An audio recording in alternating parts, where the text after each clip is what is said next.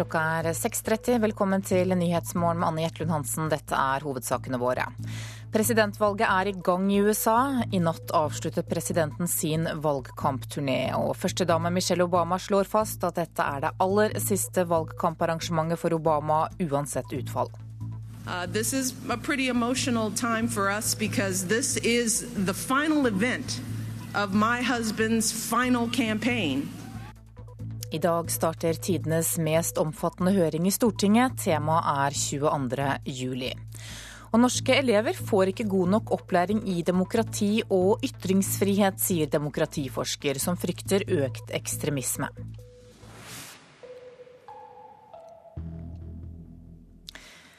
I dag skal altså amerikanske velgere avgjøre om Barack Obama får fire nye år i Det hvite hus, eller om Mitt Romney skal overta som verdens mektigste mann.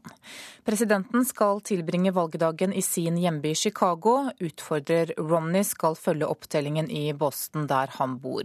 Og jeg snakket akkurat med tidligere USA-korrespondent Wenche Eriksen, som er i Boston.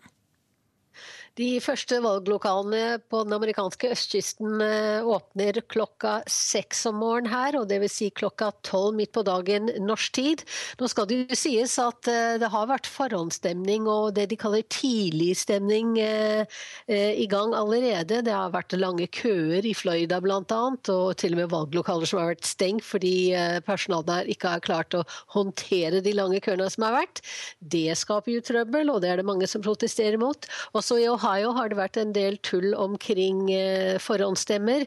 Så eh, selv om valget da skal holdes offisielt i dag, så kan det godt hende at eh, det blir mye diskusjoner og rettssaker til og med når det gjelder opptelling av stemmene som allerede er avgitt.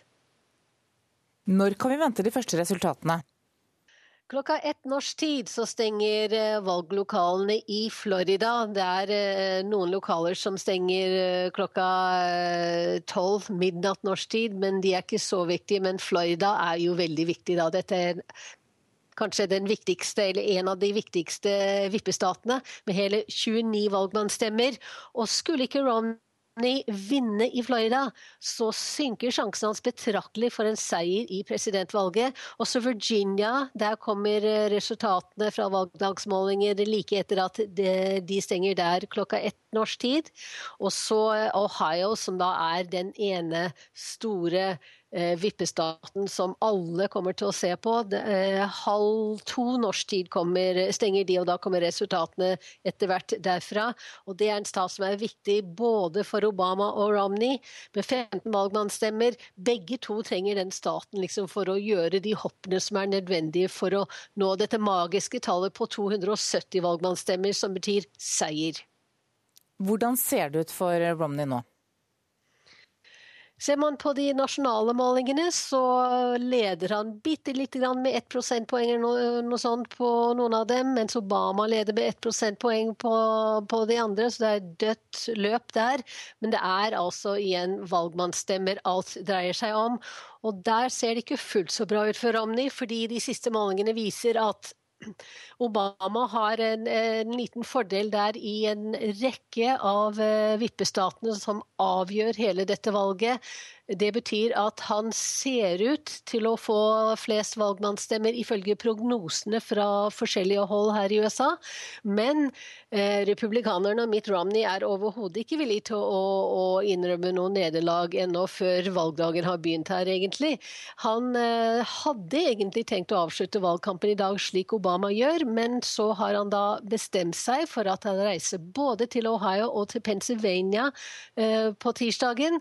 Eh, og det betyr jo at eh, Romney-kampanjen tror at de kan plukke opp noen stemmer i de viktige statene.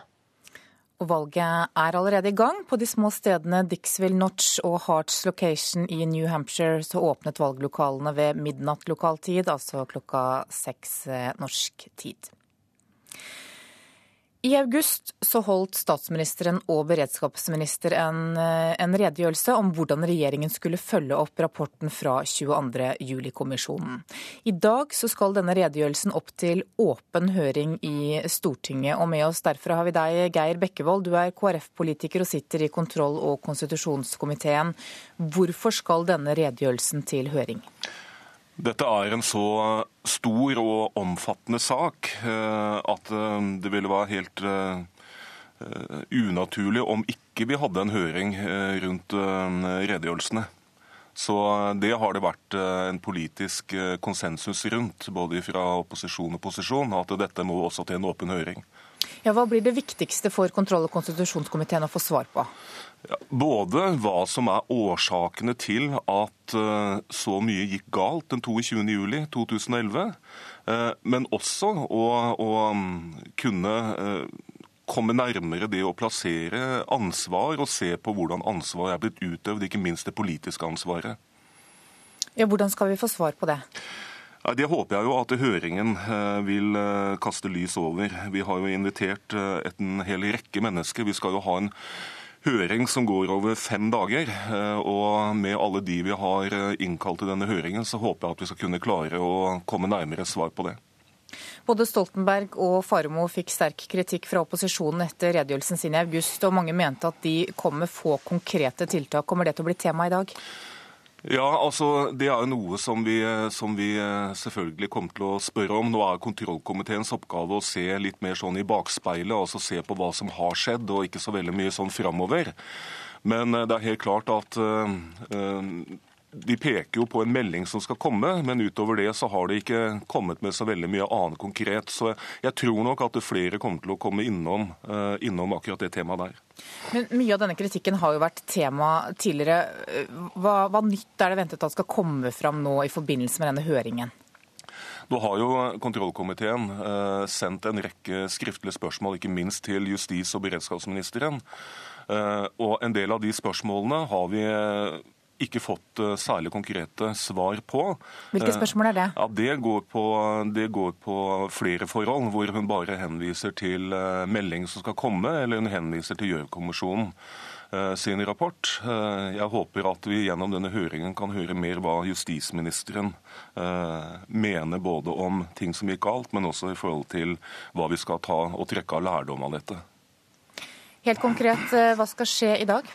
Du, I dag så har vi en litt kortere høring. Vi eh, har invitert eh, Alexandra Bech Gjørv, eh, leder av 22. juni-kommisjonen, til å komme. Vi syns det er naturlig i og med at det er hennes hennes og hennes komités rapport som var grunnlaget for regjeringens redegjørelse. Og det å kunne høre henne, det syns vi er riktig. Vi kommer også til å få besøk av den nasjonale støttegruppen etter 22.07. Og vi får også besøk av frivillige fra Tyrifjorden, som var veldig aktive den 22.07. Takk til deg, Geir Bekkevold. Det er stor forskjell på hvordan de politiske partiene avgjør hvilke kandidater de vil ha på Stortinget. Kjønn, alder, bosted og etniske opphav er avgjørende faktorer for noen partier. For andre så dreier det seg kun om å finne den beste politikeren. Og i disse dager så har de fleste politiske partiene i Telemark sine forslag til nominasjonslister for stortingsvalget neste år klart. Her kan du se. Her er nominasjonskomiteens endelige listeforslag. På førsteplass Terje Lien Aasland, elektriker i utgangspunktet. Sitter på Stortinget nå, kommer fra Skien. Lene Vågslid er lærer, sitter på Stortinget, kommer fra Vest-Telemark. Kvinner og menn i forskjellige aldre, fra forskjellige steder og med forskjellige yrker. Variasjon og spredning er viktig når Telemark Arbeiderparti setter sammen lista over hvilke kandidater de vil ha på Stortinget. Det forteller leder av partiets nominasjonskomité, Rolf Erling Andersen. Det burde være viktig for ethvert parti å ha en viss spredning i alder, alderssammensetning, for tross alt skal man jo utforme en politikk som skal gjelde alle mennesker i landet. Og det er ganske viktig at det er eh, yrkesmessig blanding, og det er viktig at det er geografisk blanding, for alle landets distrikter skal jo med. Hvis ikke så kunne vi jo hatt ett valgdistrikt i hele Norge. Men det er ikke alle som er enige i Arbeiderpartiets fremgangsmåte. Harald Kink, som er leder av Fremskrittspartiets nominasjonskomité i Telemark, forteller hvordan hans parti tenker. Vi setter opp de personene som vi tror vil gjøre den beste jobben for Fremskrittspartiet, for Telemark, på Stortinget. Og eh, vi tar ikke hensyn eh, til eh, kjønn, religion, hvor i fylket, alder, fartstid i partiet osv. Den type kriterier legger ikke vi oss opp i. Arbeiderpartiet har en fast regel om at det skal være halvparten menn og halvparten kvinner på lista, mens på Telemark FrPs nominasjonsliste til valget 2013 er det bare fire av tolv kandidater som er kvinner. Gry Anette Rekanes Amundsen er en av disse fire, og hun vil settes på en liste fordi hun er flink, ikke fordi hun er kvinne og må kvoteres inn. Personlig så syns jeg det er en eh, veldig uting, for det sier noe om at vi som kvinner ikke er bra nok i oss selv, men at vi må ha støttehjul og kvoteres inn. Vi har gått etter eh, hvor gode kandidatene er, eh, hvor gode pensjonene er, ikke ut ifra hvor de kommer fra eller eh, om de er kvinne eller mann. Vi har gått rett og slett etter hvor dyktige de er, og det er det som jeg mener skal være styrende når man setter opp en liste til Stortinget. Ja, hvis vi skulle si at vi skal velge den beste, så vil jeg tro at det er så mange tusen forskjellige syn på hvem som er den beste, at det blir fort gjennomskua. Hvis jeg sier at den er den beste, så vil noen andre si at nei, det er noen andre som er den beste. Sier Arbeiderpartiets Rolf Erling Andersen. Valgforsker Toril Aalberg ved NTNU er ikke overrasket over tendensene i Telemark.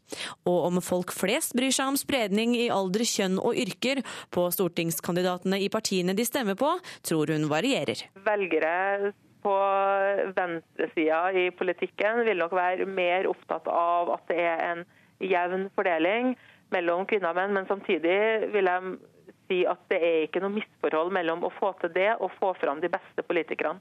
Andre vil være opptatt av at eh, det er de beste politikerne, uavhengig av kjønn, som, som må være førsteprioritet. Og reporter her, det var Hilde Martine Lindgren.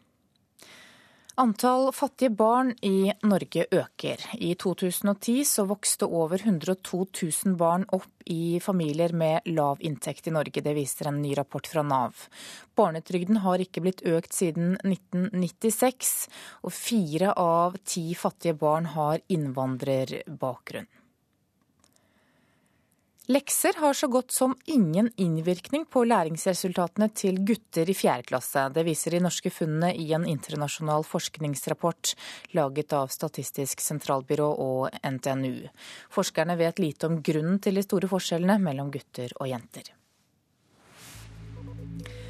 skal vi ta en kikk på dagens aviser, og valget i USA preger mange av forsidene i dag. Aftenposten skriver at Obama leder på de siste målingene. Verden vraker Romney, og dette mener amerikanere i Norge. Håpet som forsvant er overskriften i Dagsavisen. Realpolitikkens Washington DC satte en brutal stopper for presidentens drømmer. Får han likevel ny tillit, spør avisa. Ber for Obama, skriver Adresseavisen, med et bilde av en kvinne i bønn i den fattige bydelen Roseland i Chicago. Den svarte og latinamerikanske delen av befolkningen slutter opp om Obama. Mitt Romney har majoriteten av hvite bak seg. USAs grep glipper, skriver Vårt Land. Til tross for både diplomatisk og militært engasjement i mange verdensdeler, så er USA en supermakt i kraftig tilbakegang. Bergensavisen skriver deg svaret på hvordan bergenserne ville stemt i USA-valget. Andre saker. VG forteller at forskerne knuser mytene om sunn mat. Økologisk gir ikke bedre helse. Dagbladet skriver at smittevernekspert Preben Aavitsland mener antibiotikabehandlingen som Lars Monsen får mot borrelia er farlig, og han mener at Monsen ikke er smittet av borrelia i det hele tatt. Sykt barn forsinket flyene, skriver Dagens Næringsliv. Flytrafikken på Gardermoen ble forsinket i går fordi en av flygelederne var hjemme med nettopp et sykt barn. Nasjonen skriver at NHO mener at vi kommer til å få 300 000 ekstra lastebiler på norske riksveier hvert år dersom ikke godsterminalen på Alnabru i Oslo blir oppgradert. Klassekampen har snakket med en mattelærer som er bekymret over nivået på matematikkundervisningen i skolen. Han mener nivået i enkelte klasser er parodisk. Og Stavanger Aftenblad forteller at eh, Viking har fått én million kroner i gave fra en anonym 80-åring. Jeg er ikke rik, jeg har ikke vunnet pengene, jeg er bare glad i laget, forteller han.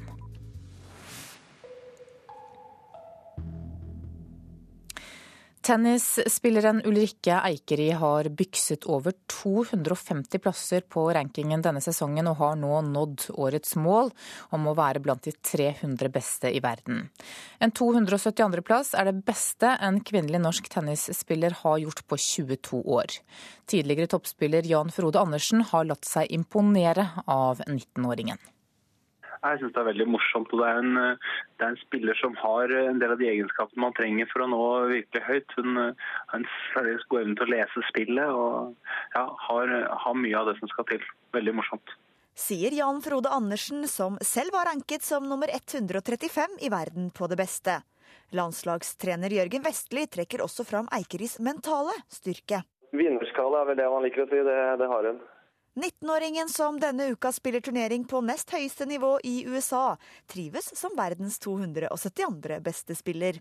Sist en norsk kvinne var ranket høyere, var Amy Jønsson i 1990 på 264. plass. Det var gøy å se totallet først. Det gir meg jo motivasjon til å bare fortsette å jobbe videre. Bare Det er jo en sterk prestasjon hvis man ser i forhold til hva, hva vi har hatt de siste årene og, og, hvor tøft det er. da. Så eh, Det er sterkt. For Eikeri og treneren er det neste målet å jobbe seg inn i topp 250. Det blir en viktig milepæl, ifølge ekstoppspiller Andersen. Ja, Da vil hun etter hvert kunne komme inn i kvalifiseringen i de store turneringene i Grand Slamene. Og det er der man virkelig vil være, og så det vil bety veldig, veldig mye for henne. Det å igjen få en norsk spiller med i de aller største tennisturneringene vil også bety mye for rekrutteringen, tror Vestli. Vi har ikke noen spydspiss nå. Hvis du ikke kan bli den eh, ja, kanskje topp 100, topp 50 i løpet av 4-5-6 år, så vil jo norske juniorer se at det er mulig å lykkes i tennis også i Norge, da, som er et lite tennisland. For Norge har ikke de største tradisjonene i en av verdens mest populære idretter. Men det vil Ulrikke gjøre noe med. Jeg har tro på at jeg kan, eh, kan komme helt til toppen. Eh, jeg jobber, jobber mot å bli best i verden. Reporter var Ingrid Sørli Glomnes. Du hører på Nyhetsmorgen i NRK P2 og Alltid nyheter. Klokka er 6.47, og dette er hovedsaker i nyhetene i dag. Amerikanske velgere avgjør i dag hvem som blir verdens mektigste mann de neste fire årene. I Stortinget starter tidenes mest omfattende høring. Temaet er regjeringens håndtering av kritikken etter 22.07. Å skille mellom streamingtjenester og plateselskaper er i ferd med å viskes ut. Det mener musikkviter.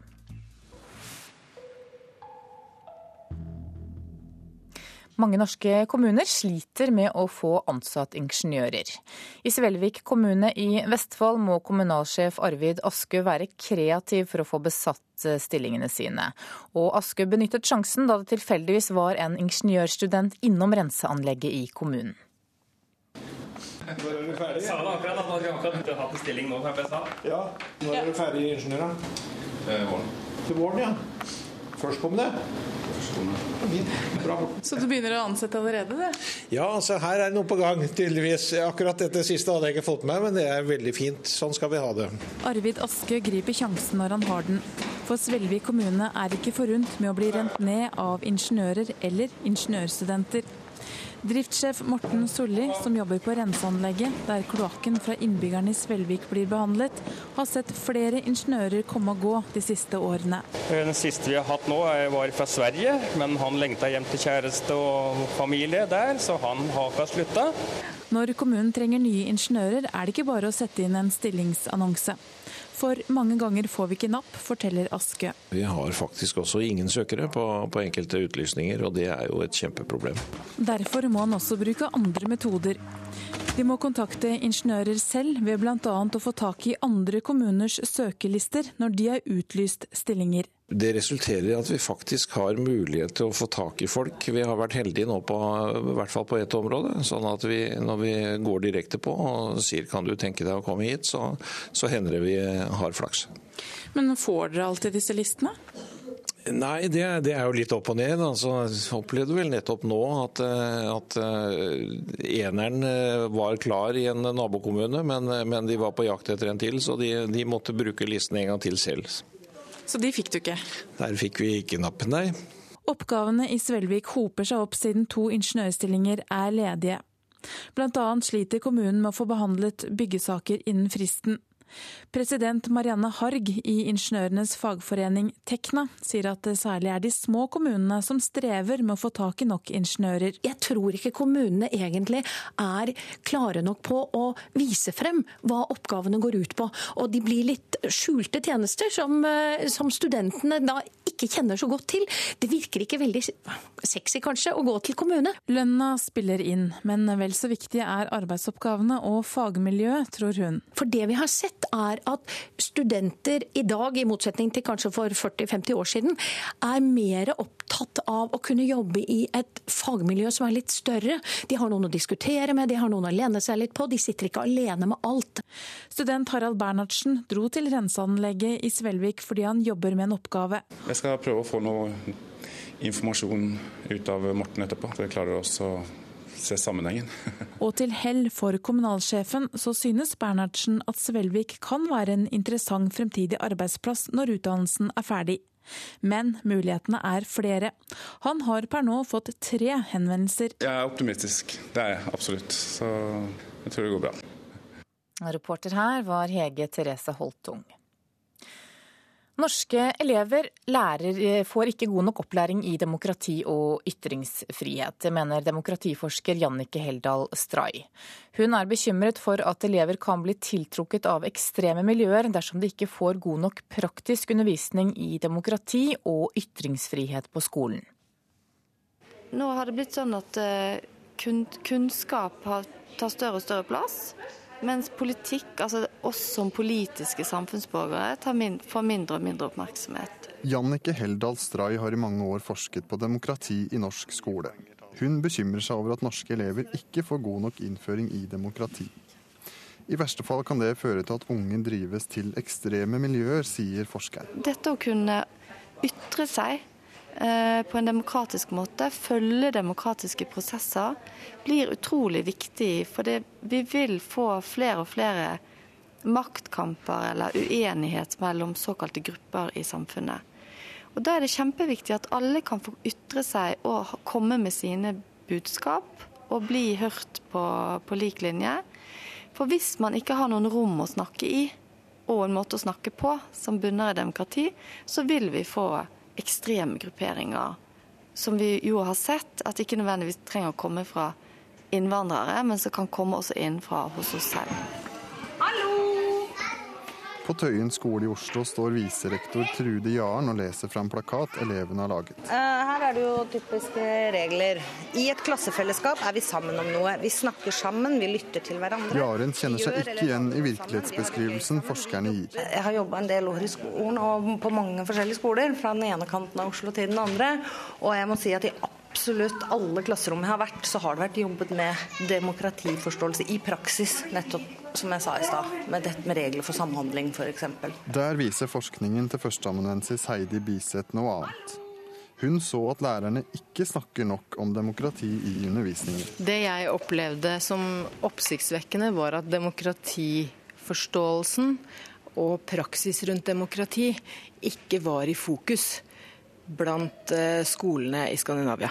Både Biseth og Heldal Stray mener norske skoler gjør så godt de kan, men peker på myndighetene som ansvarlige for dagens situasjon. Det er viktig å ta det på alvor. Elisabeth Dale i Kunnskapsdepartementet forstår ikke kritikken, og viser til at norske elever skårer svært høyt på demokratiforståelse i internasjonale målinger. Jeg mener det står godt til med demokratiundervisninga i norsk skole. Vi har en internasjonal eh, undersøkelse, en stor undersøkelse, som bekrefter det der Norge og de norske elevene kommer godt ut.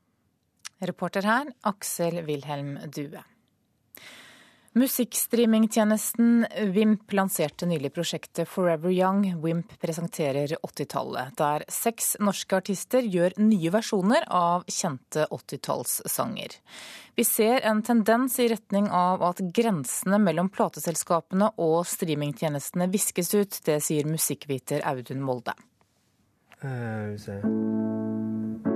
Musiker Tom Hell slår an akkordene til en av 80-tallets virkelig store sanger, 'She's Like The Wind', fra filmen 'Dirty Dancing'.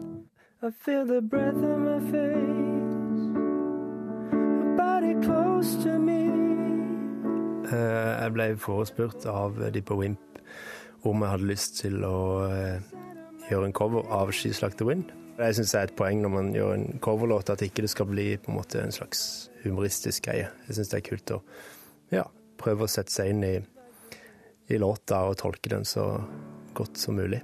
Tom Hells nyinnspilling er et av seks bidrag til streamingtjenesten Wimps prosjekt Forever Young. Wimp presenterer 80-tallet.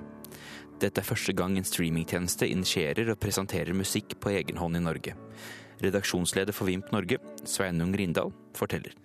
Tanken er å gi brukerne en eh, ekstra god musikkopplevelse og, og, berike på en veldig underholdende måte den eh, musikkhistorien som er tilgjengelig i Vimp. Rindal mener eksklusivt materiale er en viktig komponent i konkurransen med andre streamingtjenester. Eksklusivt innhold er på en måte bare en del av det. Eh, for oss så handler det om å formidle musikk og sette sammen spillelister og, og gi folk valget selv hva de ønsker å høre på.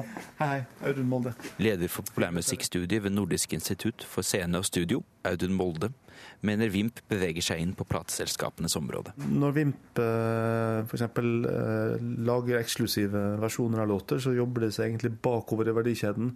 Hvor de ikke bare er en distributør, men de blir også en innholdsleverandør. Vi ser også at de forsøker å komme inn på et nytt forretningsområde. Molde ser dette som en del av en større trend. Jeg er ikke overraska over at Vimp gjør dette.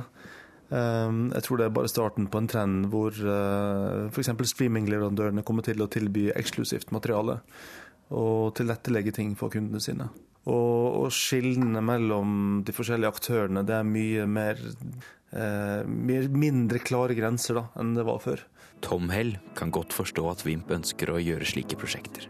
Ja, det, det, det er jo bare en måte å, å eh, å bli eh, å få noe spesielt ut av det. Jeg synes det er kjempepositivt. Det er helt topp.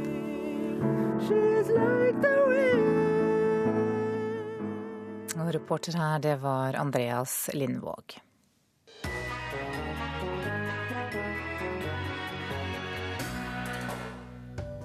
SAS, flyselskapet, sliter med økonomien og kan bli solgt til utlandet. Da ryker i så fall et av de få panskandinaviske næringssamarbeidene vi har. I Radioselskapet lurer vi på hvorfor det ikke finnes flere felles skandinaviske storbedrifter. Og så kommer Hellbillies, så velkommen til Radioselskap klokka 11.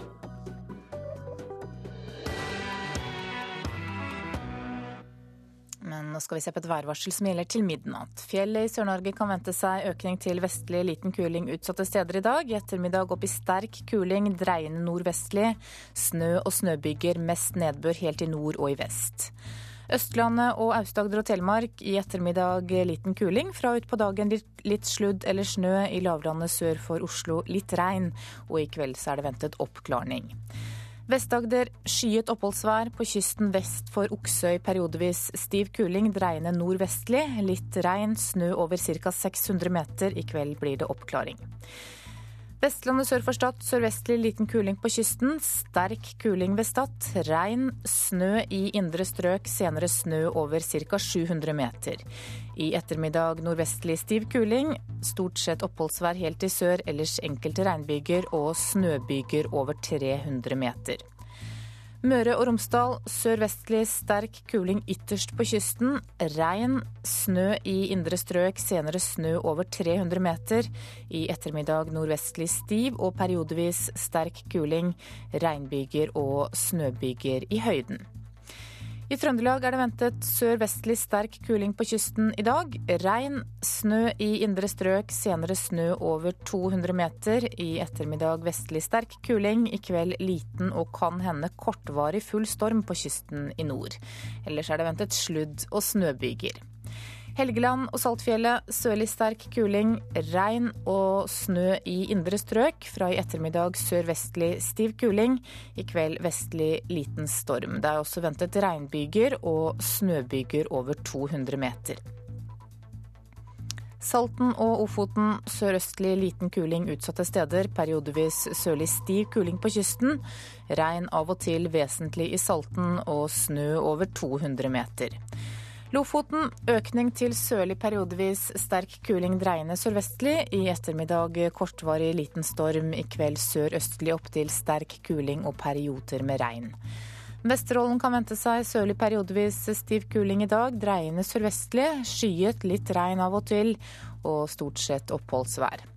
Troms sørøstlig liten kuling, av og til stiv kuling utsatte steder. Varierende skydekke, oppholdsvær, men fra i ettermiddag litt snø.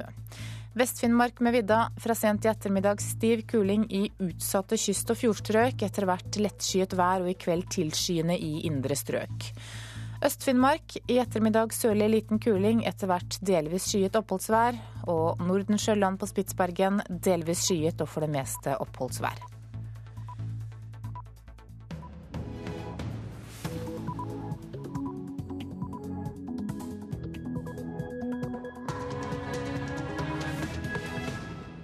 Det er klokka sju. Du lytter til Nyhetsmorgen med Anne Jetlund Hansen i studio, og her er en nyhetsoppdatering.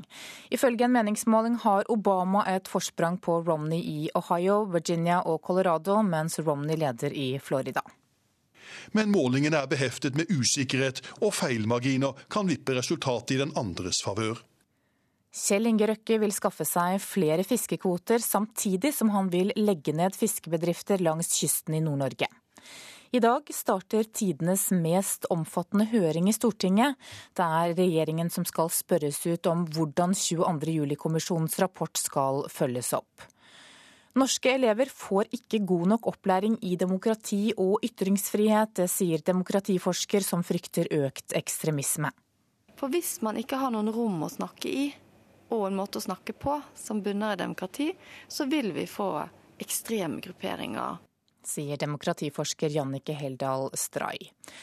Minken har det bra i bur, kom og se sjøl. Det er meldingen fra 50 pelsdyrbønder i Rogaland som hilser interesserte velkommen. For vi har det ikke sånn som så folk tror vi har det. Og dette er en stående invitasjon. Eh, hvis folk eh, ringer, så er det bare til ja, å komme og ta turen. Men de må ringe i beskjed og så komme på dagtid. Vi liker ikke de som kommer på nattid. Det sa pelsdyrbonde Ove Oftedal. Nå skal vi til USA. President Barack Obama avsluttet i natt norsk tid sin valgkamp i vippestaten Iowa. Han minnet sine tilhengere om slagordet 'Yes we can', og håpet på fornyet tillit i dagens valg. Obama holder sin valgvake i hjembyen Chicago. I natt avsluttet president Barack Obama sin valgkampturné i Des Moines i vippestaten Iowa. Også her hadde han musikalsk drahjelp av The Boss, Bruce Springsteen.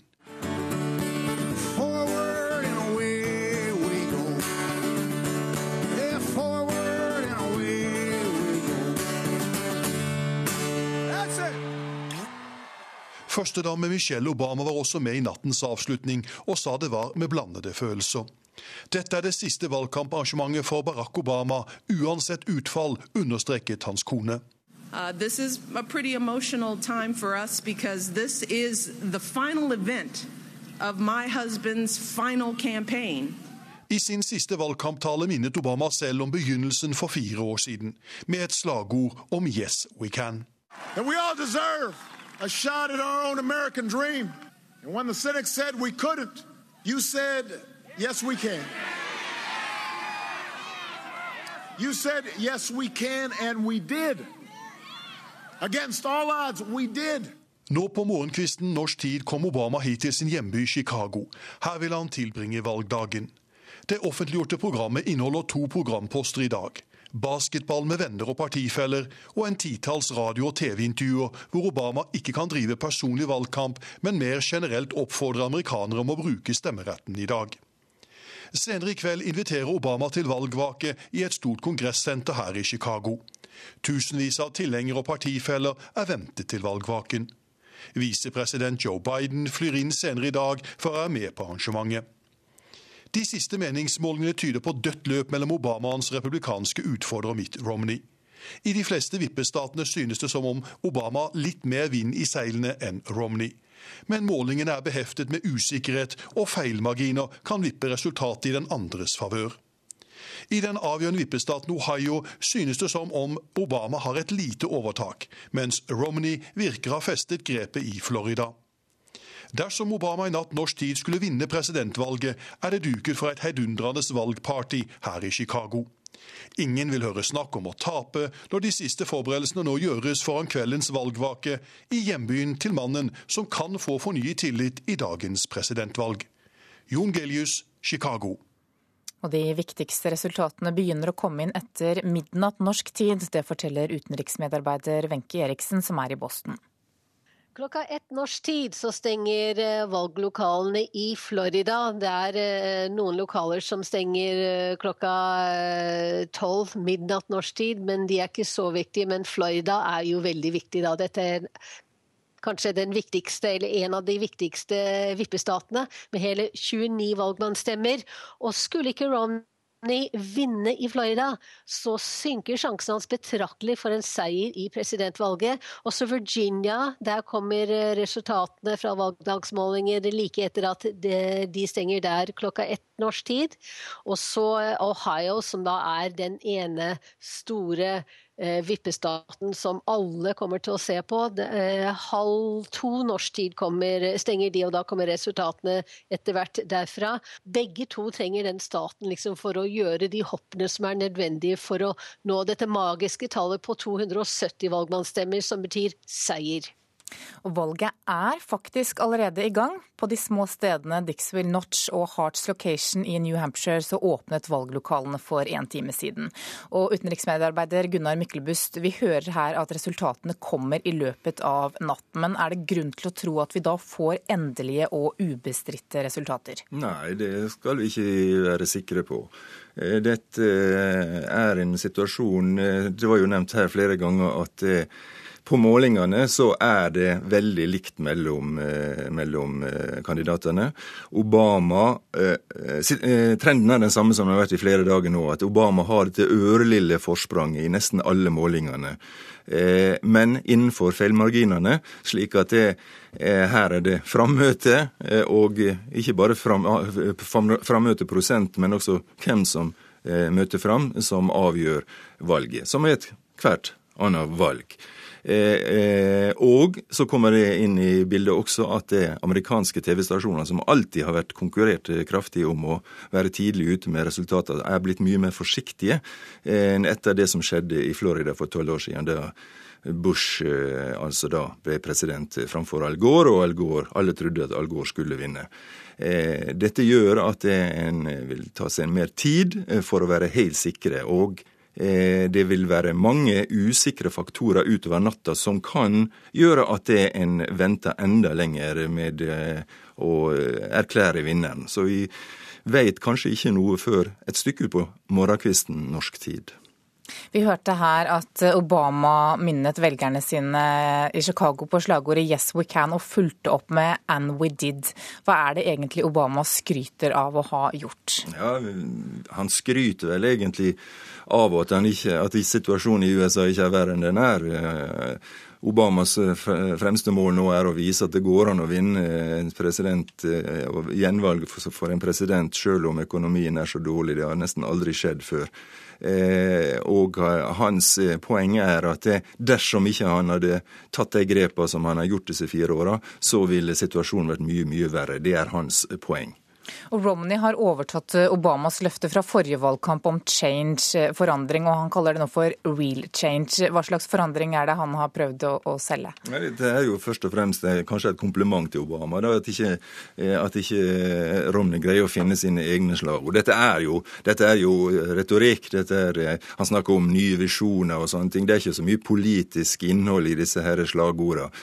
Men det er klart, først og fremst så vil det kanskje være i i, i skattepolitikken eh, forskjellen blir eh, mellom disse to kandidatene. Men Romney vil også oppleve det som enhver president eh, erfarer, at den er først og fremst avhengig av et samarbeidsvillig kongress.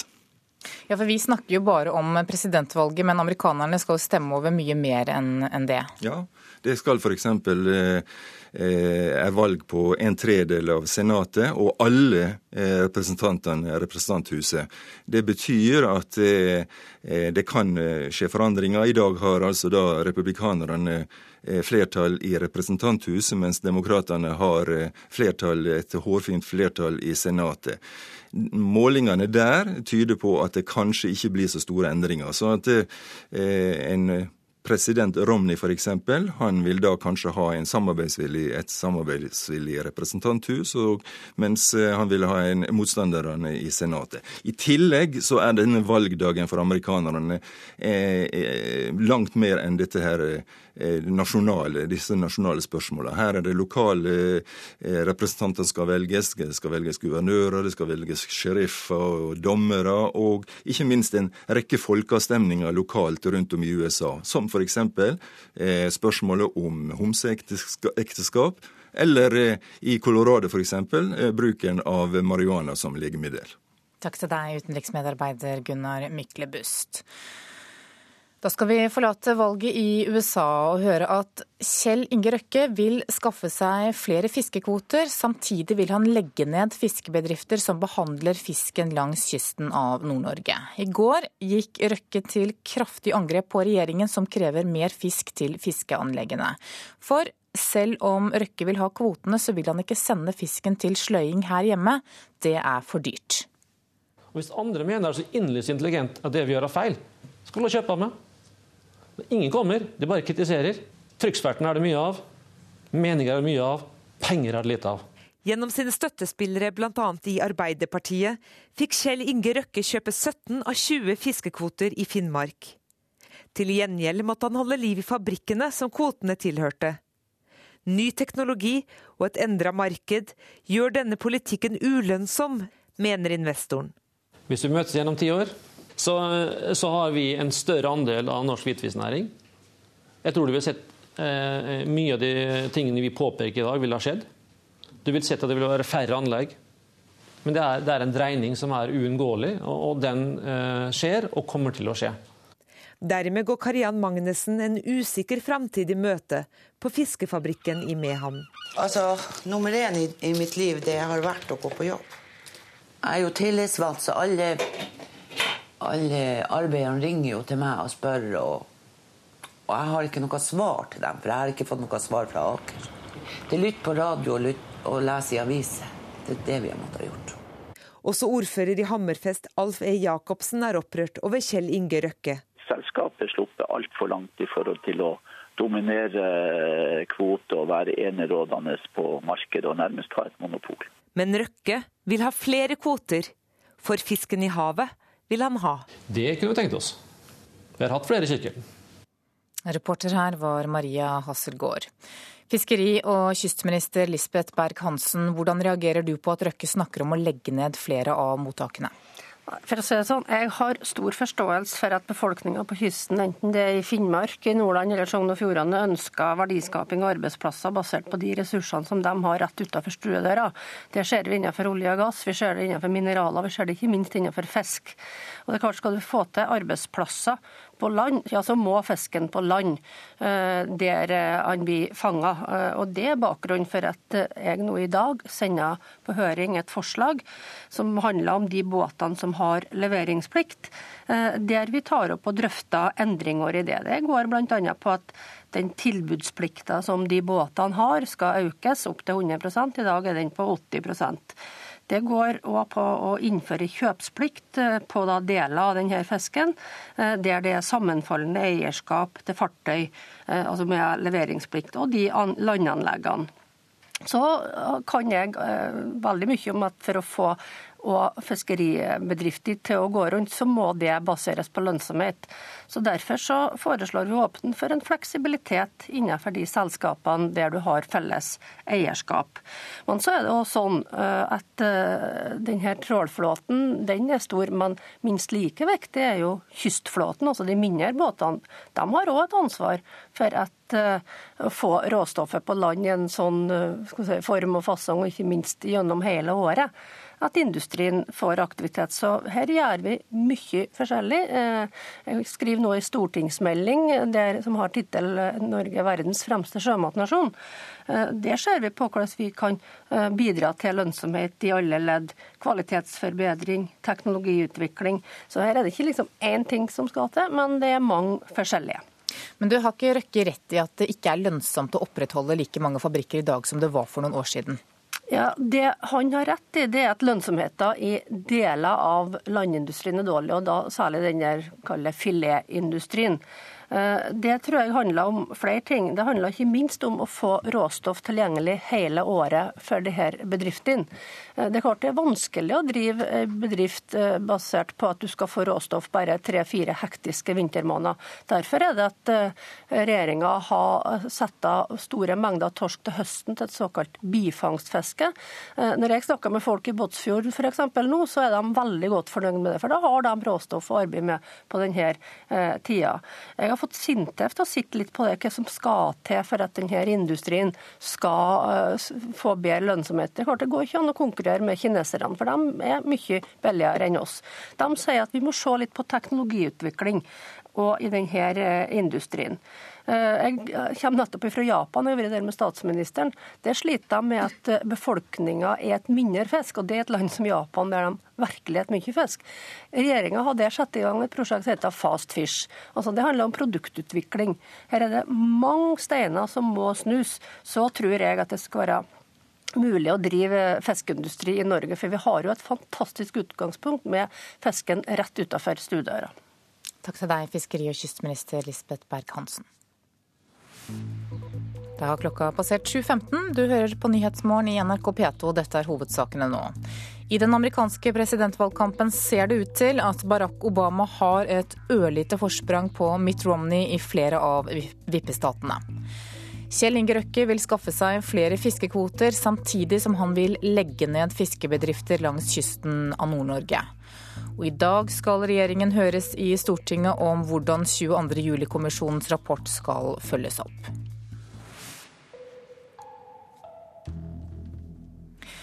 Samtidig som amerikanerne i dag går til valg, så er amerikansk politikk også tema når lederne i verdens største industrinasjoner møtes på G20-møtet i Mexico. G20 legger press på amerikanerne for å hindre at landet faller utfor det såkalte skattestupet. Og leder i finansredaksjonen i Dagens Næringsliv, Terje Erikstad, nøyaktig hva er det G20-gruppa frykter at skal skje? Eh, det lederne i de andre store økonomiene i verden frykter, er at amerikanerne har satt på seg en tvangstrøye som de ikke klarer å komme ut av.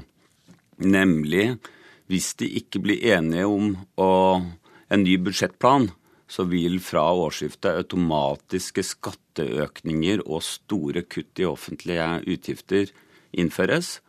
Det er det som kalles the fiscal cliff, eller budsjettstupet, eller skattestupet. Og hvis de kuttene gjennomføres, så vil amerikansk økonomi gå inn i en ny nedgangsperiode. Da blir det negativ vekst i USA neste år.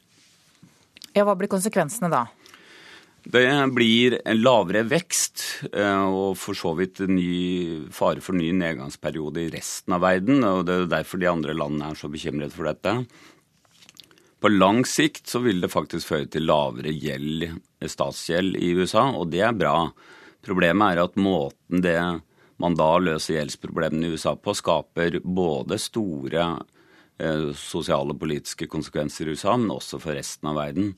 Og denne tvangstrøya er et uttrykk for at verken republikanere eller demokrater klarer å, å finne en eh, politikk som eh, kombinerer det å redusere gjelden med å skape økonomisk vekst. Og denne usikkerheten som nå har vart ganske lenge, har allerede hatt betydning. Altså Økonomene mener at den usikkerheten har nok ført til at det har blitt skapt 1-2 millioner færre jobber enn det ellers ville vært skapt i USA. Hva slags budsjett er det som kommer til å tre i kraft dersom man ikke blir enige om et nytt et? Ja, Det er da den, to, to hovedelementer. Det ene er at eh, skattelettelser som ble gjort eller gitt under Bush, blir fjernet. Sånn at da får eh, Da blir en rekke skattelettelser borte, og da øker skattene automatisk. Pluss at både militære og sivile utgifter kuttes å si, helt uten og, Altså man må bare finne 9-10 eh, kutt sånn over eh, natta fra årsskiftet. Og så er det jo veldig stor usikkerhet om dette faktisk blir gjennomført, fordi ingen av partiene ønsker det. Men slik det ser ut nå, så kommer Obama til å vinne, demokratene til å holde Senatet og republikanerne til å holde Huset. Og da blir det akkurat samme situasjon som nå. Og da blir det et såkalt chicken race, altså hvem tør å kjøre hardest for å få gjennom sin politikk. Takk til deg, Terje Rikstad, som er leder i finansredaksjonen i Dagens Næringsliv. En flygeleder som holdt seg hjemme pga. sykdom, var årsaken til at morgenflyene på vei til Oslo lufthavn ble forsinket i går. Det skriver Dagens Næringsliv.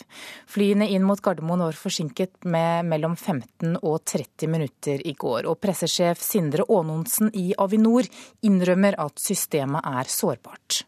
Ja, Det er nok på mange områder i samfunnet det at man, man kan oppleve at man får irregularitet hvis eh, noen eh, må, må være borte fra jobb pga. sykdom. Så, så, det er en situasjon som vi på en måte må bare prøve å håndtere best mulig der og da. Og, og dette medførte jo da forsinkelser, men, men, ingen kritiske forsinkelser. Det lå vel i, i rushet på mellom et kvarter til en halvtime. Vi beklager selvfølgelig det overfor de reisende, men, eh, men, dette er en situasjon som kan oppstå fra, fra tid til annen. Er det snakk om å skulle se på strukturen for å kunne gjøre noe med det sårbare systemet? Ja, Vi, eh, vi sitter jo nå, etter, også etter de driftsforstyrrelsene som vi hadde i sommer, og ser på hvordan vi kan uh, gjøre dette mer robust, sånn at vi uh, er mindre sårbare enn, uh, enn det vi er i dag. Det gjør vi. Men det er litt tidlig å svare ut hvordan vi skal løse den utfordringen foreløpig. SAS-sjef Rikard Gustafsson vil kutte pensjonen til flere tusen piloter, kabinansatte, bakkemannskaper og pensjonister i flyselskapet. Selv kan han nyte godt av en pensjonsordning verdt opptil 56 millioner kroner. På spørsmål fra Dagens Næringsliv er det svært lite som tyder på at toppsjefens pensjon blir offer for noe sparetiltak. Obama-seier i det amerikanske presidentvalget og fortsatt delt kongress vil være positivt for dollaren, men kan bli negativt for oljepris og aksjekurser. Det tror Danske Bank, ifølge Finansavisen. Skulle Mitt Romney vinne valget og republikanerne tar Kongressen, så vil det være positivt for både globale aksjer og oljepris, tror banken. Uganda truer med å trekke sitt bidrag til FNs fredsbevarende styrker. Myndighetene sier at de føler seg dolket i ryggen fordi en FN-rapport konkluderer med at Uganda og Rwanda har hjulpet opposisjonelle i Kongo. Uganda er en større bidragsyter til fredsbevarende operasjoner i Somalia, Elfenbenskysten, Darfur og Øst-Timor. Taiwansk høyesterett har forlenget fengselsdommen til landets tidligere førstedame Wu Shu-chen. Den tidligere presidentfruen har dermed fått fengselsstraffen økt fra 18 år til drøye 19 for å ha mottatt bestikkelser og for å ha hvitvasket penger. Pga. dårlig helse slipper hun å sone, men mannen hennes, Taiwans tidligere president, allerede soner en straff på, en straff på 18 år og 6 måneder for korrupsjon.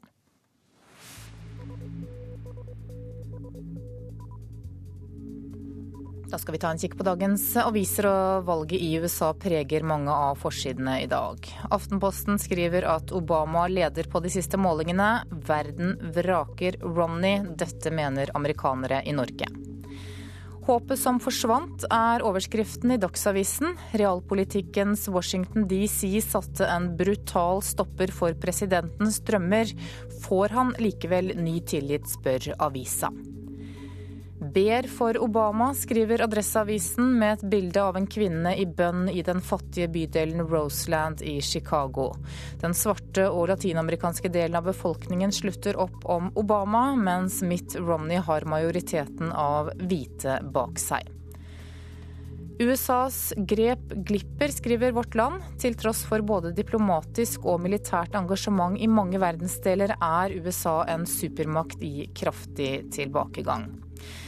Bergensavisen har sin egen vri og skal gi deg svaret på hvordan bergenserne ville stemt i USA-valget. VG forteller at forskere knuser mytene om sunn mat. Økologisk gir ikke bedre helse. Dagbladet skriver at smittevernsekspert Preben Aavitsland mener antibiotikabehandlingen som Lars Monsen får mot borrelia er farlig, og han mener at Monsen ikke er smittet av borrelia i det hele tatt. Sykt barn forsinket flyene, skriver Dagens Næringsliv. Vi hørte altså at flytrafikken på Gardermoen ble forsinket i går fordi en av flygelederne var hjemme med et sykt barn. Nasjonen skriver at NHO mener at vi kommer til å få 300 000 ekstra lastebiler på norske riksveier hvert år dersom ikke godsterminalen på Alnabru i Oslo blir oppgradert. Klassekampen har snakket med en mattelærer som er bekymret over nivået på matematikkundervisningen i skolen. Han mener nivået i enkelte klasser er parodisk. Og Stavanger Aftenblad forteller at Viking har fått én million kroner i gave fra en anonym 80-åring. Jeg er ikke rik, jeg har ikke vunnet pengene, jeg er bare glad i laget, sier han.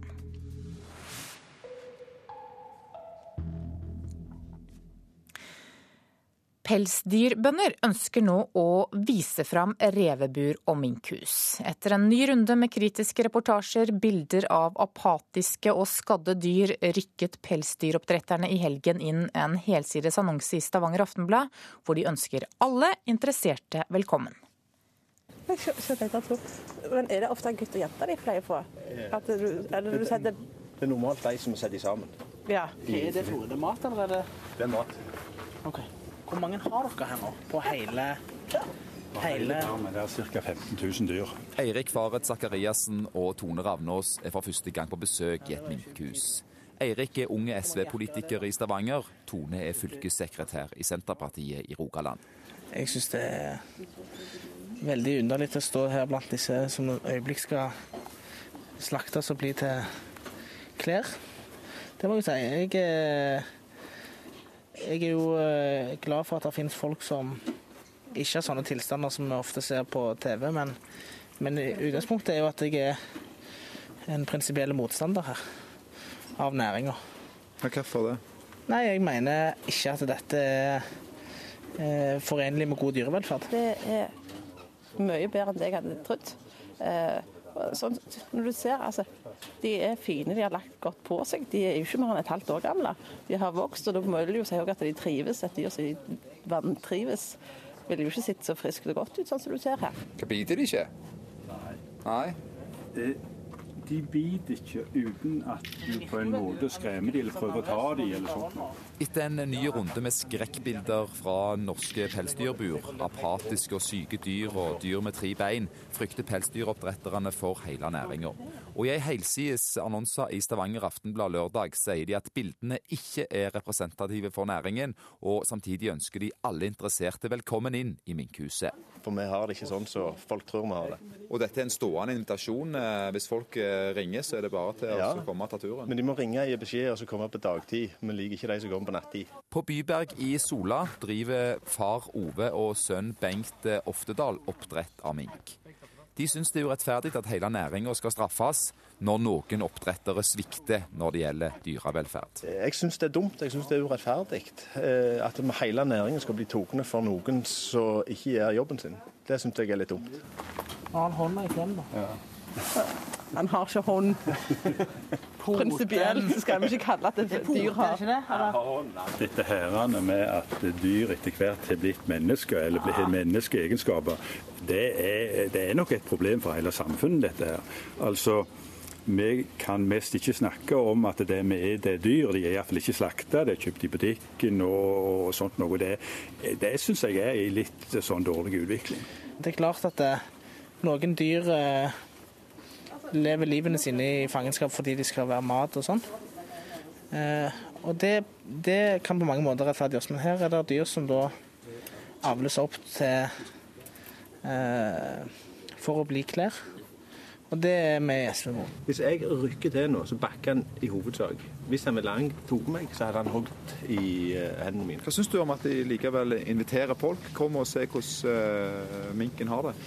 Jo, jeg tror eh, Altså, jeg syns det er bra med åpenhet, og jeg syns det er eh, et godt initiativ. Men det endrer for min del ingenting. Nå ønsker du deg pels du òg, eller? Ja. Ja, ja, det var det. Hvis jeg hadde penger til å kjøpe. Kunne du gå noe godt i pels? Nei, det vet jeg ikke. Det er, men det har vel mer med hva jeg har råd til.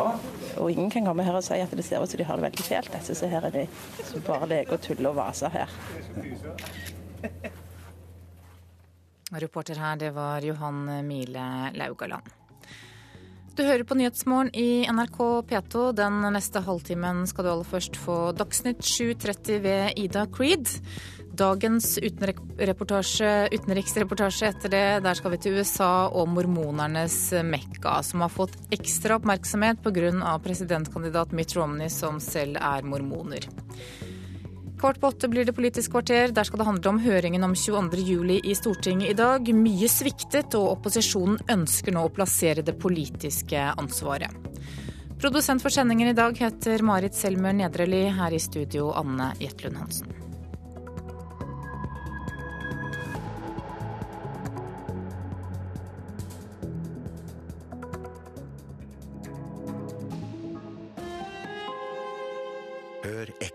En skakkjørt økonomi, et desillusjonert folk og en gjeng folkevalgte i politisk skrustikke.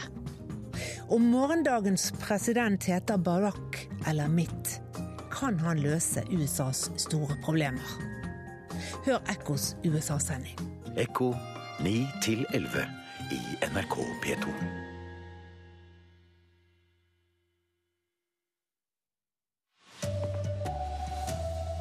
Svært jevnt, men et ørlite forsprang til Obama i presidentvalget viser de siste meningsmålingene. Røkke vil skaffe seg flere fiskekvoter. Samtidig vil han legge ned fiskebedrifter langs kysten.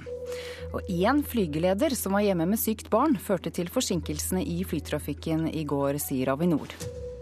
God morgen, her er NRK Dagsnytt, klokken er 7.30. Barack Obama ser ut til å ha et ørlite forsprang i flere av vippestatene, bl.a. i viktige Ohio. I natt var han tilbake i sin egen hjemby Chicago for sitt siste valgkamparrangement, og der minnet han støttespillerne sine om slagordet fra forrige valgkamp. And we all deserve a shot at our own American dream. And when yes. You said, yes, we can, and we did. Against all odds, we did. Nå på morgenkvisten norsk tid kom Obama hit til sin hjemby Chicago. Her vil han tilbringe valgdagen. Det offentliggjorte programmet inneholder to programposter i dag. Basketball med venner og partifeller, og en titalls radio- og TV-intervjuer hvor Obama ikke kan drive personlig valgkamp, men mer generelt oppfordrer amerikanere om å bruke stemmeretten i dag.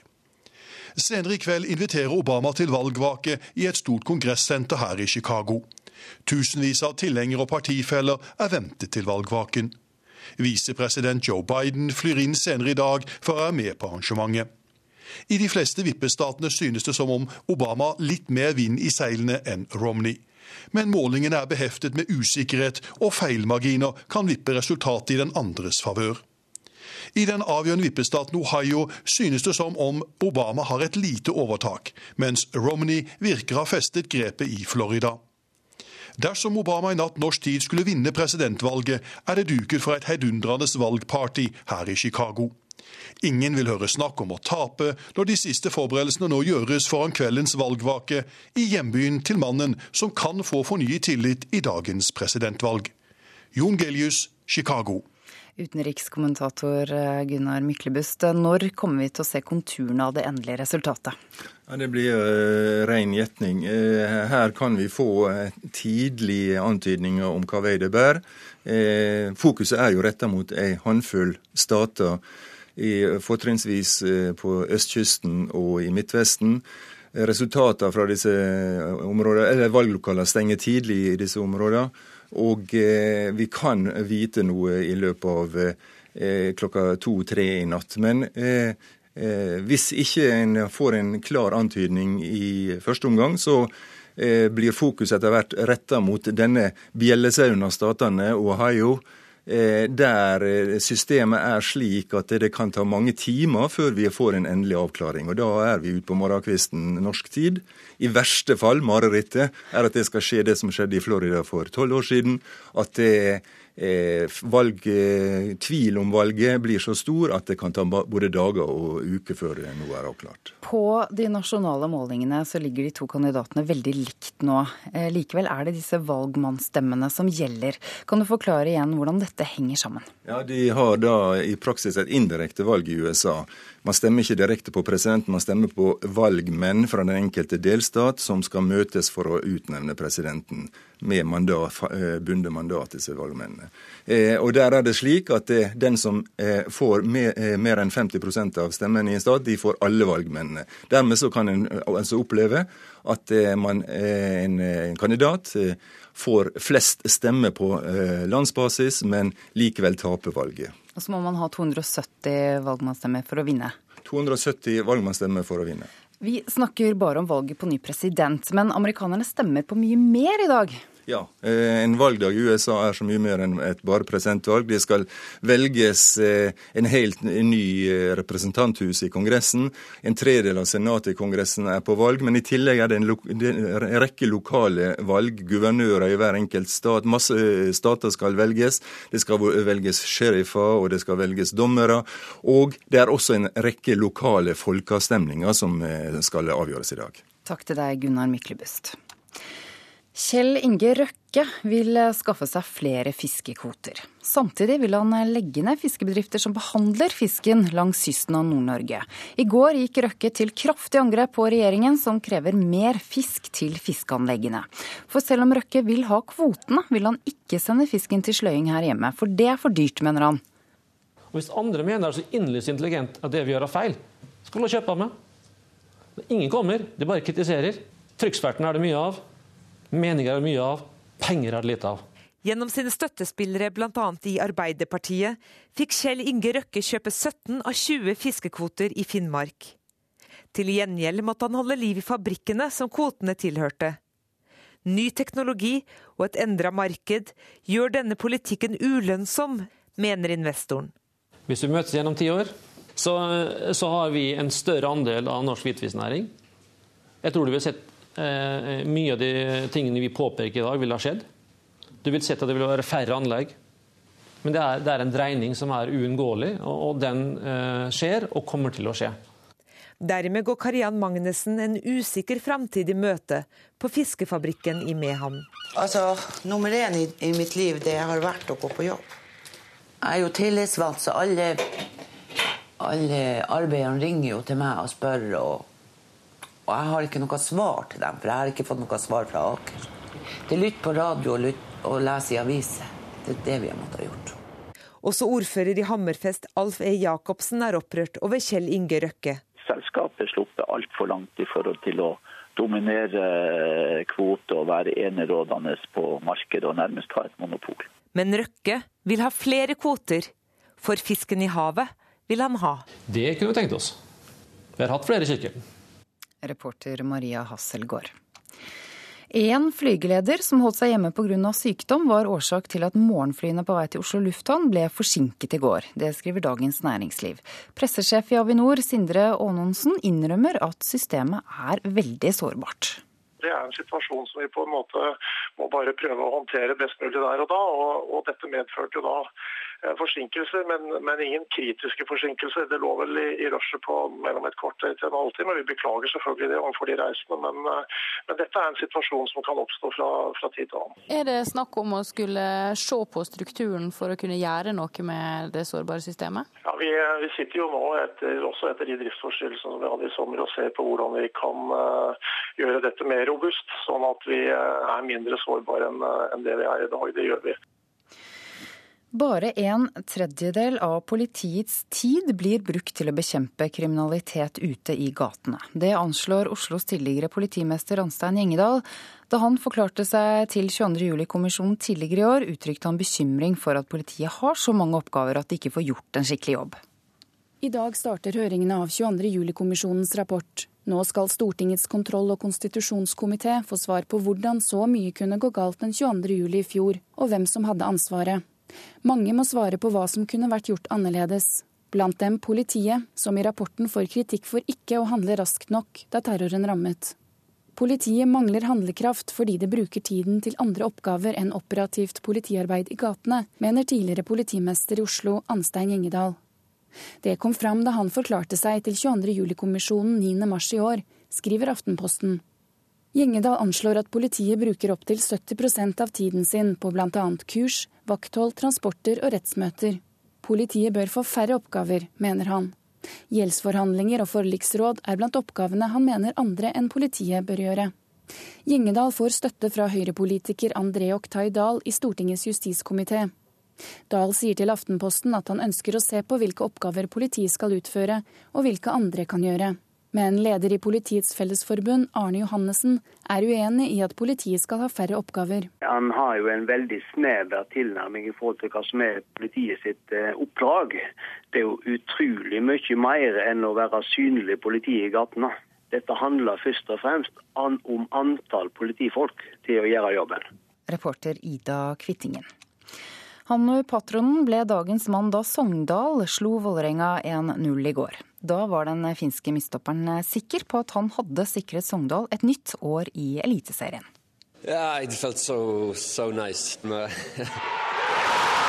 Patron ble med trener Jonas Olsson fra Allsvenskan til Sogndal i vinter. Og Olsson legger ikke skjul på at det var ekstra godt at akkurat han fikk skåra årets viktigste mål. Han har spilt med stor smerte i sin, i sin skuldre og sin ankel hele sesongen, så at, uh, det var utrolig kjekt at han fikk gjøre mål. Etter en sesong med bunnsolid stopperspill i Eliteserien er han helt sikker på at han får en til. For nå har Sogndal fire poengs luke ned til kvalikplassen og to kamper igjen å spille. Reporter Arve Uglum, NRK Dagsnytt Ida Creed. Klokka er, eh, er 7.40 og Nyhetsmorgen fortsetter. Vi skal til mormonernes Mekka. Mormonerkirken ble grunnlagt i den lille byen Palmyra i staten New York i 1820. Og byen har fått ekstra oppmerksomhet pga. presidentkandidat Mitt Romney, som selv er mormoner. I en liten bakke ligger et lite hus. Det ser småkårslig ut, og malingen flasser av fasaden. Det er en kopi av det lille huset til grunnleggeren av mormonerkirken, Joseph Smith. Innenfor er det omvisning. How long is your mission? Hit til Palmyra kommer det tusenvis av mormonere hvert eneste år. De får høre om bondegutten på 14 år som i 1820 fikk sin åpenbaring, og som førte til at han skrev Mormonernes bok, som kom ut ti år senere. Kind of uh, Mecca for the Muslims. If, if you Saudi Arabia, you would go there. That's kind of the, the hub, you all started, and same thing um, for the Mormon Church the dette er litt som Mekka for muslimene. Hvis du var i Saudi-Arabia, så ville du dratt dit. Det var her det hele startet, og det var her Joseph Smith fikk sin åpenbaring. Det var her han fikk gullplatene som ble til mormonernes bok. Det var her han bodde, og kirken ble grunnlagt. Alt rundt her er betydningsfulle steder, sier Kerry Jensen, president i den lokale kirken. Mitt Mormonerne har fått mye oppmerksomhet i valgkampen. Mitt Romney ledet en kirke i New England i hele 14 år, og han har som ung mann også vært misjonær i utlandet. Mange har stilt spørsmål ved hvordan det vil bli mottatt av tradisjonelt kristenkonservative velgere på republikansk side. En del kristne anerkjenner ikke mormonere som kristne. Men i den lille byen Palmyra har interessen for mormonerkirken bare økt. It's, it's local history. It's an overlap. The early Mormon history and the history of Palmyra in that era are the same. Dette er lokal historie. Mormonenes historie og byens historie er sammenfallende. Og det er noe som alle, uansett hvilket kirkesamfunn de er med i, bør ta en nærmere titt på, sier ordfører Wiki Dale. Ulik Romney er hun demokrat. I byen hennes ligger det et mormonetempel, og originalutgaven av mormonernes bok er utstilt på museum her. The, uh town in recent years especially has really recognized the economic impact that that has. It's a, tourists coming in every summer, and I think they've kind of embraced that. Joseph Smith brukte lokalt trykkeri da han skulle trykke de første 1000 eksemplarene av boken, sier ordføreren. Boka fra 1840 ligger utstilt i et glassmonter på museet i byen. Danny Cole har reist helt fra Wyoming for å se boka. For years, my wife and I had wanted to come to the Sacred Grove and to see the the Whitmer Farm and and uh, kind of follow the Joseph Smith story. I årevis har jeg og kona hatt lyst til å komme til de hellige stedene og på en måte følge Joseph Smiths historie. Men i mai døde kona mi, og da bestemte jeg og dattera mi for å dra. And I decided that we would, we would come. Byen har en hovedgate og noen butikker. De fleste mormoner er mot abort, homoseksuelle, sex utenom ekteskap, pornografi, gambling, øl og røyk. Tim Walker har bodd i mormonernes Mekka i 39 år.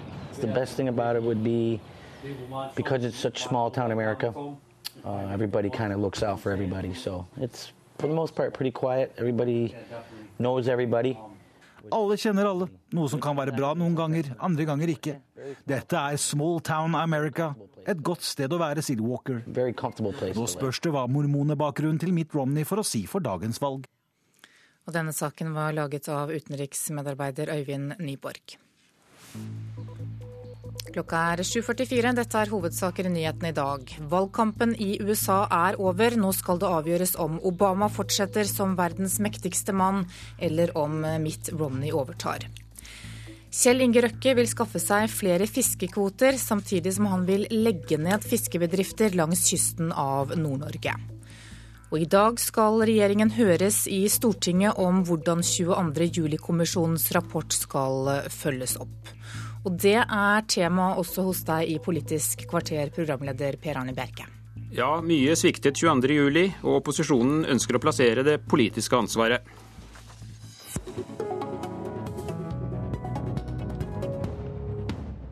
Dette er 22.07-kommisjonens seks hovedfunn.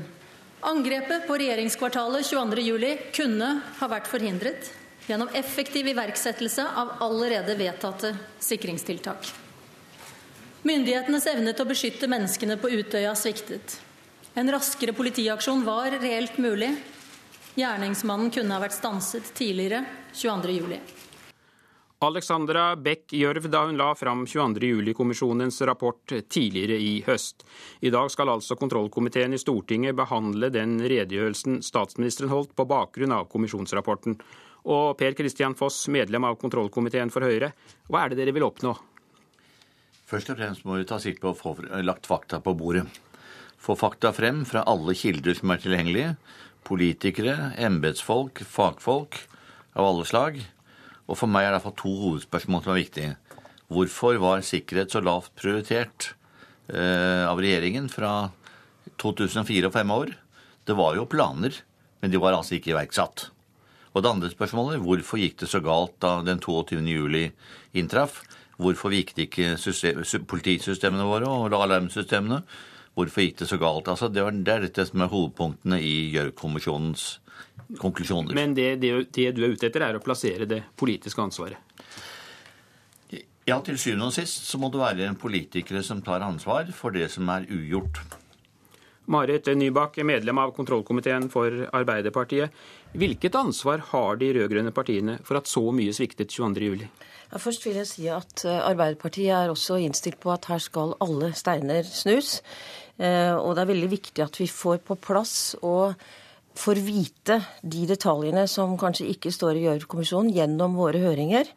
Eh, og la meg legge til at jeg er helt enig at systemet vårt for sivilt beredskap sviktet totalt 22.07. Vi, vi har vist at det er store store mangler i alt beredskap ja, i Norge. Og Hvem har ansvaret for det? Ja, Det har den til enhver tid sittende regjering. Og det har også systemene. Altså Vi må jo gå inn og se på systemene. Eh, det har vært ulike regjeringer opp gjennom de siste tiår, men det har vært en uvilje mot å gjøre eh, konkrete og dramatiske endringer i beredskap. Dette så jo jeg bl.a. etter eh, 11.9. i 2001. Da var det ikke Arbeiderpartiet som satt med makta.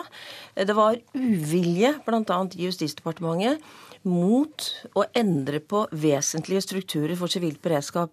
Så jeg tror det er veldig viktig det som står i Gjørv-rapporten, at vi må se på kulturer, vi må se på strukturer, og vi må være villige til å være systemkritikere. Og så må det legges på plass nye systemer. Det er det imidlertid ikke kontroll- og konstitusjonskomiteen som skal gjøre.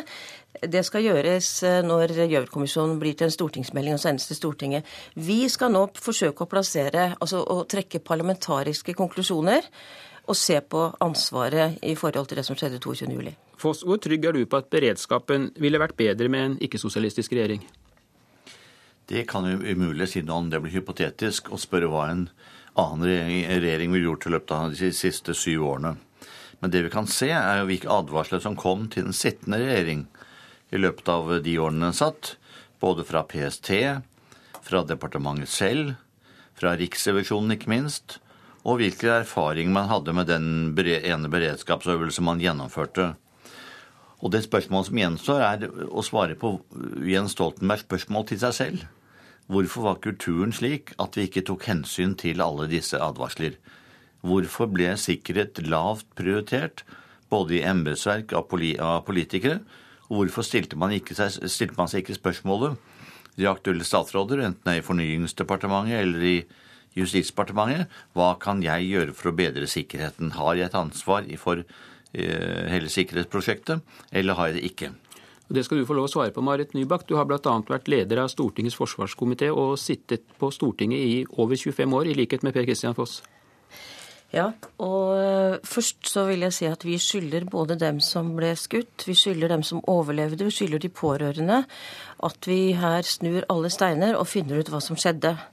Eh, vi skylder dem også eh, å ta hensyn til det som er funnet, både av Gjørv-kommisjonen og det som vi kan komme til å finne, at det blir iverksatt andre tiltak.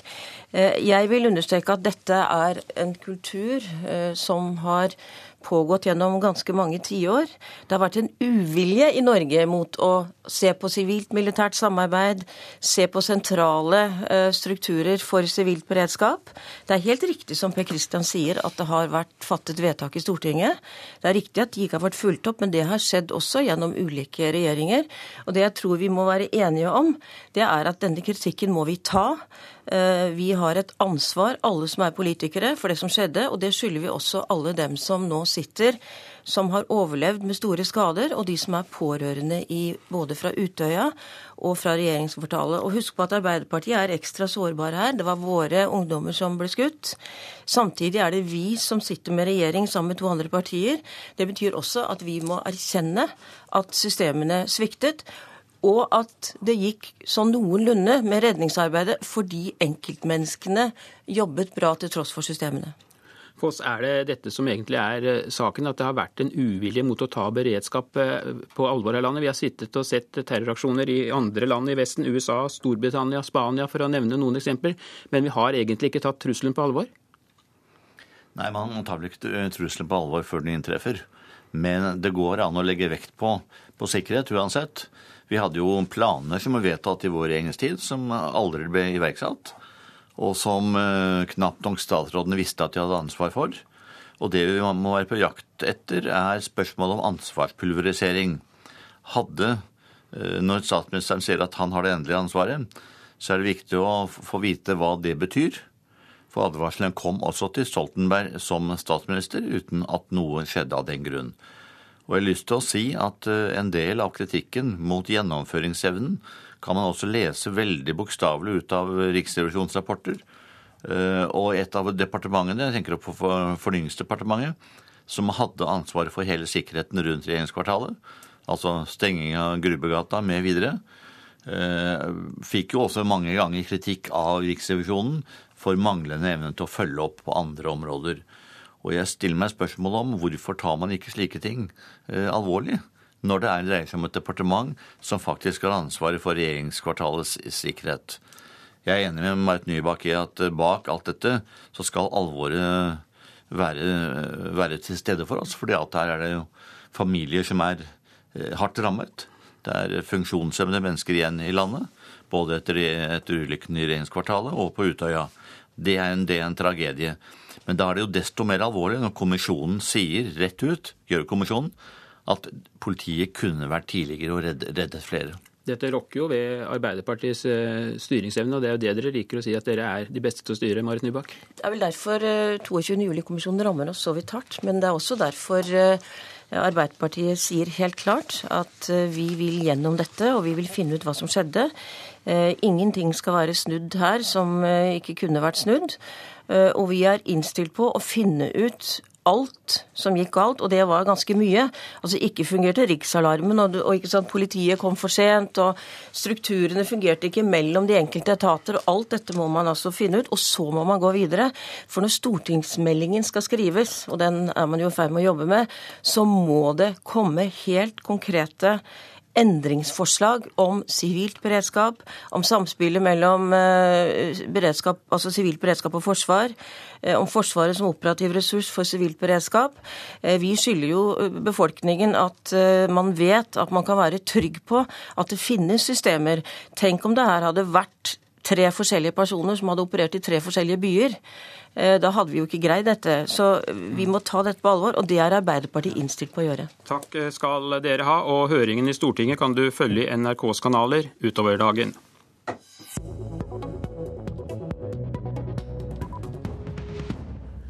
Ordførerne i Nord-Norge frykter at Kjell Inge Røkke skal legge ned flere fiskemottak langs kysten. I NRK Brennpunkt i kveld gir Kjell Inge Røkke et av sine sjeldne intervjuer. Her forteller han hvordan han tror fiskerinæringen kommer til å utvikle seg, og han ser for seg færre fiskemottak enn det vi har i dag. Vi må tilpasse oss de samfunnsendringene som skjer. Eh, F.eks. slakteri, eh, meierier de legges ned og konsolideres. Vi mener også at det vil være en sånn eh, struktur i norsk fiskeri. Og den har vært der. Fra 100 anlegg til 10 og 7 eiere av oss. Da er det vi som har vist ansvarlighet, langsiktighet, viljen til å satse. Hvis vi møtes gjennom ti år, så, så, har vi en større andel av norsk hvitfisknæring. Du vil se at det vil være færre anlegg. Men det er, det er en dreining som er uunngåelig, og, og den eh, skjer og kommer til å skje. Alf E. Jacobsen, ordfører for Arbeiderpartiet i Hammerfest. Frykter du at Røkke skal legge ned fiskemottaket i kommunen din? Ja, det frykter han. har jo allerede bebuda det tidligere. Nå har han riktignok eh, lagt det på is etter at det var et kraftig press mot å beholde det, og at også fiskeriministeren sa at hun skulle stramme inn eh, leveringsforpliktelsene. Men jeg tror at han vil forsøke på nytt. Vi skal bevege oss sørover til Hassel i Nordland. Der er du ordfører Kjell Børge Freiberg fra Fremskrittspartiet. Hvilken beskjed har du til Røkke, som også er tungt inne i fiskeindustrien i din kommune? Nei, Den beskjeden som uh, vi har gitt uh, hele veien, det er at eh, Kjell Inge Røkke har noen forpliktelser som han har akseptert. Uh, og de er han nødt til å levere på. Klarer han ikke å levere på de, så må han gjerne forlate Melbu. Det vil vi synes er synd. Vi ønsker at han skal lykkes. men velger Røkke å forlate Melbu, så gjør han det uten de konsesjonene som er knytta til dette stedet. Nå var det jo mange ordførere som kjempet for at Røkke skulle få overta både trålerkonsesjoner og fiskemottak, og du var en av dem, Alf E. Jacobsen. Angrer du?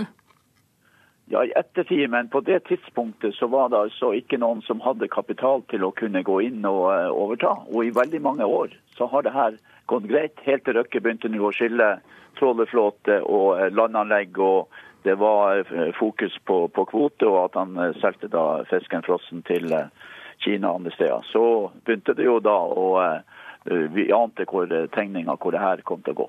Men eh, nå sier altså Røkke at han heller vil satse i Båtsfjord i Finnmark enn i Hammerfest, og viser til at Hammerfest jo har oljeindustrien.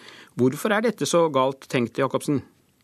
Altså, Vi er, er da 40% eier av disse trålerkvotene i Hammerfest. Og vi er der for at det skal skaffes industriarbeidsplasser til land. Vi har vedtekter, vi har en charteravtale som sier at uh, båtene skal driftes og leveres i, i, Hammerfest. Og Det kan jo ikke være slik at uh, man sier at uh, vi skal altså flytte fiskeindustri og 100 arbeidsplasser der folk er godt integrert og ønsker å være i Hammerfest fordi at Røkke skal få det enklere. Enten så drifter han landanleggene. Jeg ønsker Båtsfjord alt godt, jeg ønsker Mehamn alt godt, Lebesby og Hammerfest og alle disse andre plassene. Men jeg, jeg, har du forpliktelser, samfunnsforpliktelser, så har du dem like godt på Melbu og i Hammerfest som andre steder. Kjell Børge Freiberg, har ikke Røkke et godt poeng når han sier at strukturrasjonaliseringen skjer i alle næringer, og at dette er uunngåelig også i fiskeindustrien? Jo da, det er noen utfordringer i norsk fiskerinæring som eh, man ikke kan uh, unnlate å uh, ta tak i. Men da får jo Røkke først og fremst innfri de forpliktelsene man har inngått på de plassene der man har gjort det. Og så får man heller gjøre strukturelle endringer der man ikke har de forpliktelsene.